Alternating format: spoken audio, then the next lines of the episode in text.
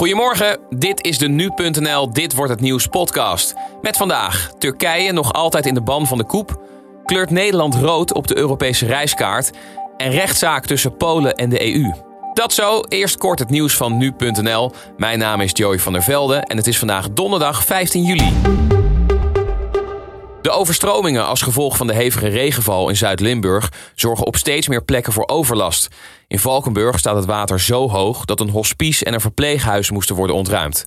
Het leger moest daar zelfs aan te pas komen en ook een camping in de buurt van de stad is ontruimd. Het gemeentehuis van Valkenburg bleef de hele nacht open om mensen op te vangen die door het hoge water hun huis uit moesten of geen gas, water of licht meer hadden. Ook vandaag wordt er nog veel regen verwacht, waardoor rivieren buiten hun oevers kunnen treden.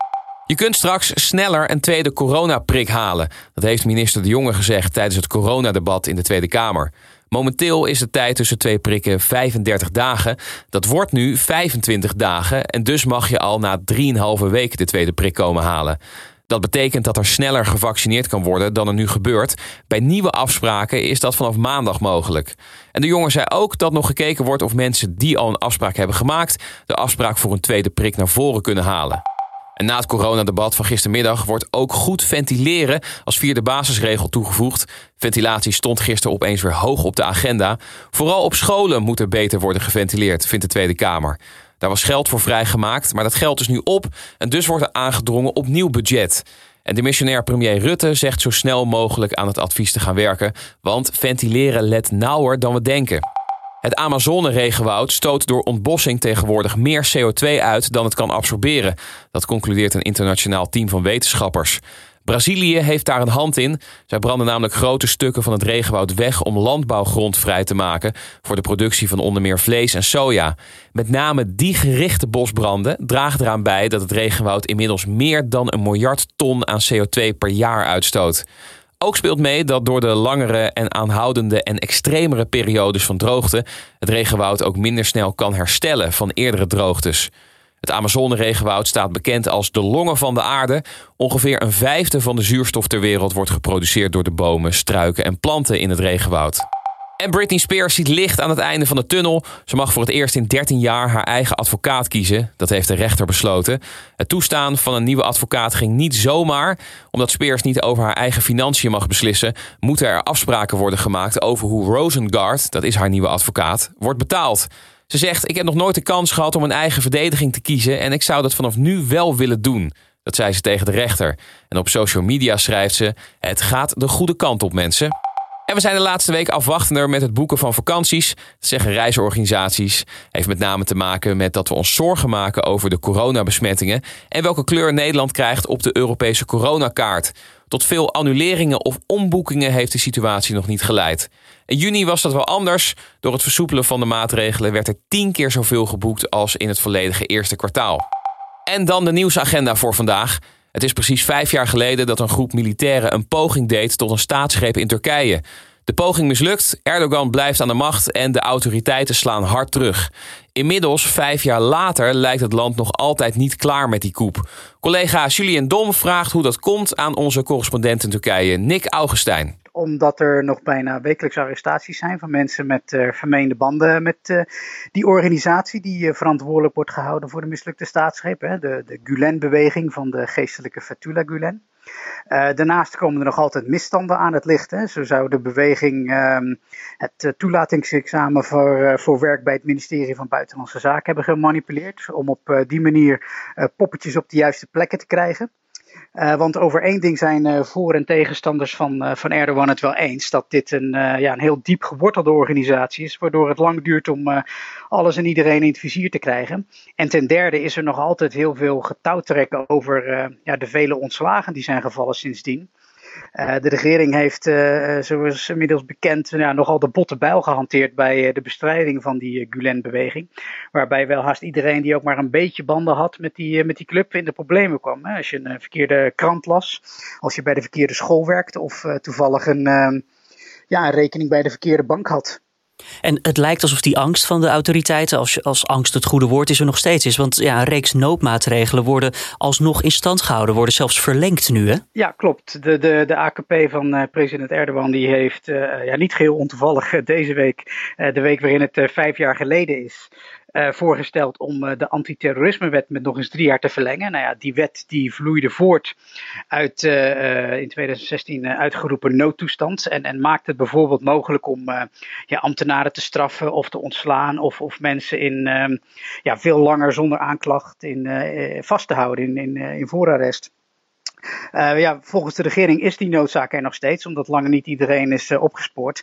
De oppositie stelt daarentegen dat deze wetgeving inmiddels een middel is voor de regering om uh, ja, mensen die niet in de pas willen lopen ja, weg te krijgen, als het ware. En niet in de pas lopen, ja, eigenlijk het perfecte linkje naar mijn volgende vraag. Want de autoriteiten zien volgens mij nog altijd Fethullah Gulen als schuldige. Waarom na vijf jaar nog steeds het vizier op hem? Is, is er meer bewijs bijvoorbeeld dan voorheen? Nou ja, kijk, het is heel simpel. Allereerst omdat hij nog niet in handen is van de, de Turkse justitie. Hè. De, de, man woont, uh, zoals wellicht bekend, in uh, zelfgekozen ballingschap in de Verenigde Staten. En uh, ja, wordt niet uitgeleverd. Uh, bovendien moeten we ook niet vergeten dat hij in zijn beweging, uh, uh, ja, naast verantwoordelijkheid voor die mislukte staatsgreep, voor nog tal van andere duistere praktijken verantwoordelijk worden gehouden. waaronder het vervalsen van bewijzen om, om hooggeplaatste legerofficieren veroordeeld te krijgen. En dat is in feite ook nog maar een topje van de ijsberg. Dus ja, zolang de man eigenlijk nog leeft en in de VS zit, zal hij vooralsnog doelbid blijven, ja. Ja, waarom heeft de VS hem dan nog niet uitgeleverd als de Turken zo zeker van hun zaak zijn? Uh, nou ja, de, de, Verenigde Staten zegt eigenlijk gewoon stevast dat de bewijzen die Turkije aangeleverd heeft uh, ja, niet, niet toereikend zijn. En ja, op dat vlak lijkt de regering dan ook een beetje de zure vruchten te vrukken van hun aanpak met de botte bijl. Waarmee ze gewoon heel veel ja, goodwill hebben verspeeld in de, in, de, in de internationale gemeenschap. En Turkije heeft natuurlijk sowieso niet echt een beste reputatie als het om eh, eerlijke rechtsgang gaat. En dan helpt het ook niet dat er in de nasleep van die uh, staatsgreep natuurlijk uh, journalisten in de bak zijn verdwenen. Of, of uh, ja, soldaten van een jaar of 19 die op die nacht simpelweg orders uitvoerden en, en er soms letterlijk een beetje bij stonden. Hè? Ja, daarmee is overigens niet gezegd dat die koepoging niet gewelddadig was. laat, dat, laat dat ook duidelijk zijn. Nee, maar Gulen zou gezien kunnen worden als gewoon een scapegoat die gezocht wordt door de APK, door de Turkse autoriteiten. Um, nou ja, er is natuurlijk wel veel wat in zijn richting wijst. Uh, tegelijkertijd is het natuurlijk ook wel handig dat zolang hij daar zit, eh, de regering een mooie punching bag heeft. Dus um, misschien, is het ook niet, misschien komt het zijn ook wel goed uit dat hij nog altijd in ballingschap leeft. Zeg, uh, vijf jaar geleden dus die koep, speelt het ook nog altijd bij gewoon de Turken op straat die hun alledaagse leven leiden? Nou ja, in die zin dat zij ook het nieuws zien en de krant lezen. Uh, alleen kun je wel stellen dat er een soort ja, uh, Gulen-moeheid is. Hè. Telkens als er iets misgaat in het land, dan wordt er al snel naar de beweging gewezen. Hè. Die zullen het wel gedaan hebben. En daarnaast is dat Gulen-label ook een soort drukmiddel uh, geworden, waarbij uh, afpersing inmiddels aan de orde van de dag zou zijn. Hè. Zit iemand in de weg, uh, beschuldig hem of haar dan, dan van banden met de beweging, want dat wordt zo serieus genomen dat je vaak maar, maar beter kunt betalen. En dat is treurig, want het komt gewoon de waarheidsvinding niet, natuurlijk niet ten goede. Want uh, dat moeten we ook niet vergeten. Het is nog altijd niet helemaal duidelijk wat er zich nou afgespeeld heeft op die nacht uh, vijf jaar geleden. Uh, veel Turken vragen zich bijvoorbeeld af hoe het mogelijk is dat als je een verkeerde tweet post, je binnen de kortste keren in de kraag gevat werd, maar men blijkbaar geen, geen staatsgreep zag aankomen. Dat, dat, is, ja, dat is vreemd. En daarna, wordt die vijf, daarna is die 15 juli ook eigenlijk steeds meer een, een Erdogan-feestje geworden. Hij eh, noemde die mislukte staatsgreep destijds een geschenk uit de hemel. Waarmee hij een nieuwe koers voor het land uh, kon uitstippelen. Maar als we heel eerlijk zijn, hebben de laatste vijf jaar ja, nou niet zo heel veel gebracht. Uh, niet iedereen is daarom ook overtuigd van die koers. Hè. In ieder geval niet op de manier zoals het nu gaat. En daardoor krijgt die mislukte staatsgreep, waarvan je had gehoopt dat dit mensen uh, ja, nader tot elkaar zou brengen. Vijf jaar na data voor steeds meer mensen steeds meer een bittere bijsmaak. Vanuit Turkije hoorde je Nick Augustijn. Hij is onze correspondent daar. Hij was in gesprek met mijn collega Julien Dom. En we hadden het er net al eventjes over. De Europese Gezondheidsdienst, de ACDC, komt met een nieuwe coronakaart. Die kaart is belangrijk voor vakantiegangers, want landen passen veel al hun regels aan op basis van deze kaart. Nederland is op de kaart voorlopig nog grotendeels oranje, met hier en daar wat groene gebieden.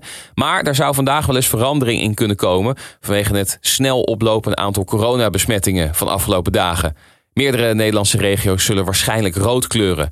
Het is vervolgens mogelijk dat landen burgers afraden om deze kant op te komen, maar het is ook mogelijk dat er strengere regels komen voor Nederlanders die andere landen willen bezoeken. En vandaag ook een zaak tussen de EU en Polen. Het Poolse constitutionele tribunaal besluit of het EU-recht boven het nationaal recht staat. De uitspraak had al eerder moeten komen, maar werd tot vandaag uitgesteld. En waarom is niet duidelijk. De zaak is aangespannen door de Poolse regering en wordt door experts gezien als de grootste uitdaging voor de rechtsorde in de Europese Unie tot nu toe. Critici zien de zaak als mogelijk begin voor het Poolse vertrek uit de Europese Unie.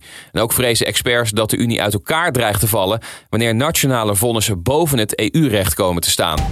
En dan krijg je nog het weer, krijg je allemaal van Weerplaza. Vooral in het midden en oosten van het land vallen een aantal buien, lokaal met veel neerslag en ook een klap onweer daarbij. Plaatselijk valt tussen de 20 en 30 mm regen, zeer lokaal zelfs nog meer. In de loop van de middag zien we de buien geleidelijk naar het zuidoosten trekken en breekt vanuit het noordwesten op meer plaatsen de zon door. Het wordt maximaal een graad of 20 en daarbij staat een matige wind uit noordelijke richting. De komende dagen worden heel anders. De zon breekt door, vooral in het weekend. En dan lopen de temperaturen ook flink op naar zomerse waarden in het binnenland. Zondag is lokaal zelfs 27 graden mogelijk. Ja, en dan nog even dit. Meghan Markle die zit niet stil. Ze ontwikkelt voor Netflix een animatieserie over een 12-jarig meisje dat geïnspireerd wordt door verschillende invloedrijke vrouwen uit de geschiedenis. De serie, genaamd Pearl, is onderdeel van een deal die Markle en haar man Harry vorig jaar sloten met Netflix. Meghan kon niet wachten om dit nieuws naar buiten te brengen. Ze zegt: Zoals veel meisjes van haar leeftijd maakt onze heldin Pearl een reis waarin ze naar zichzelf op zoek gaat en waarin ze alle obstakels uit het leven probeert te overwinnen. Eerder werd al bekend dat ze werkt aan een docu-serie over de Invictus Games. En dit was hem dan weer, de Dit Wordt Het Nieuws podcast van deze donderdag. Heb je tips of feedback? Laat het dan weten via podcast.nu.nl. Mijn naam is Joey van der Velde en ik wens je voor nu een prachtige donderdag. En vanmiddag is mijn collega Julien Domde weer.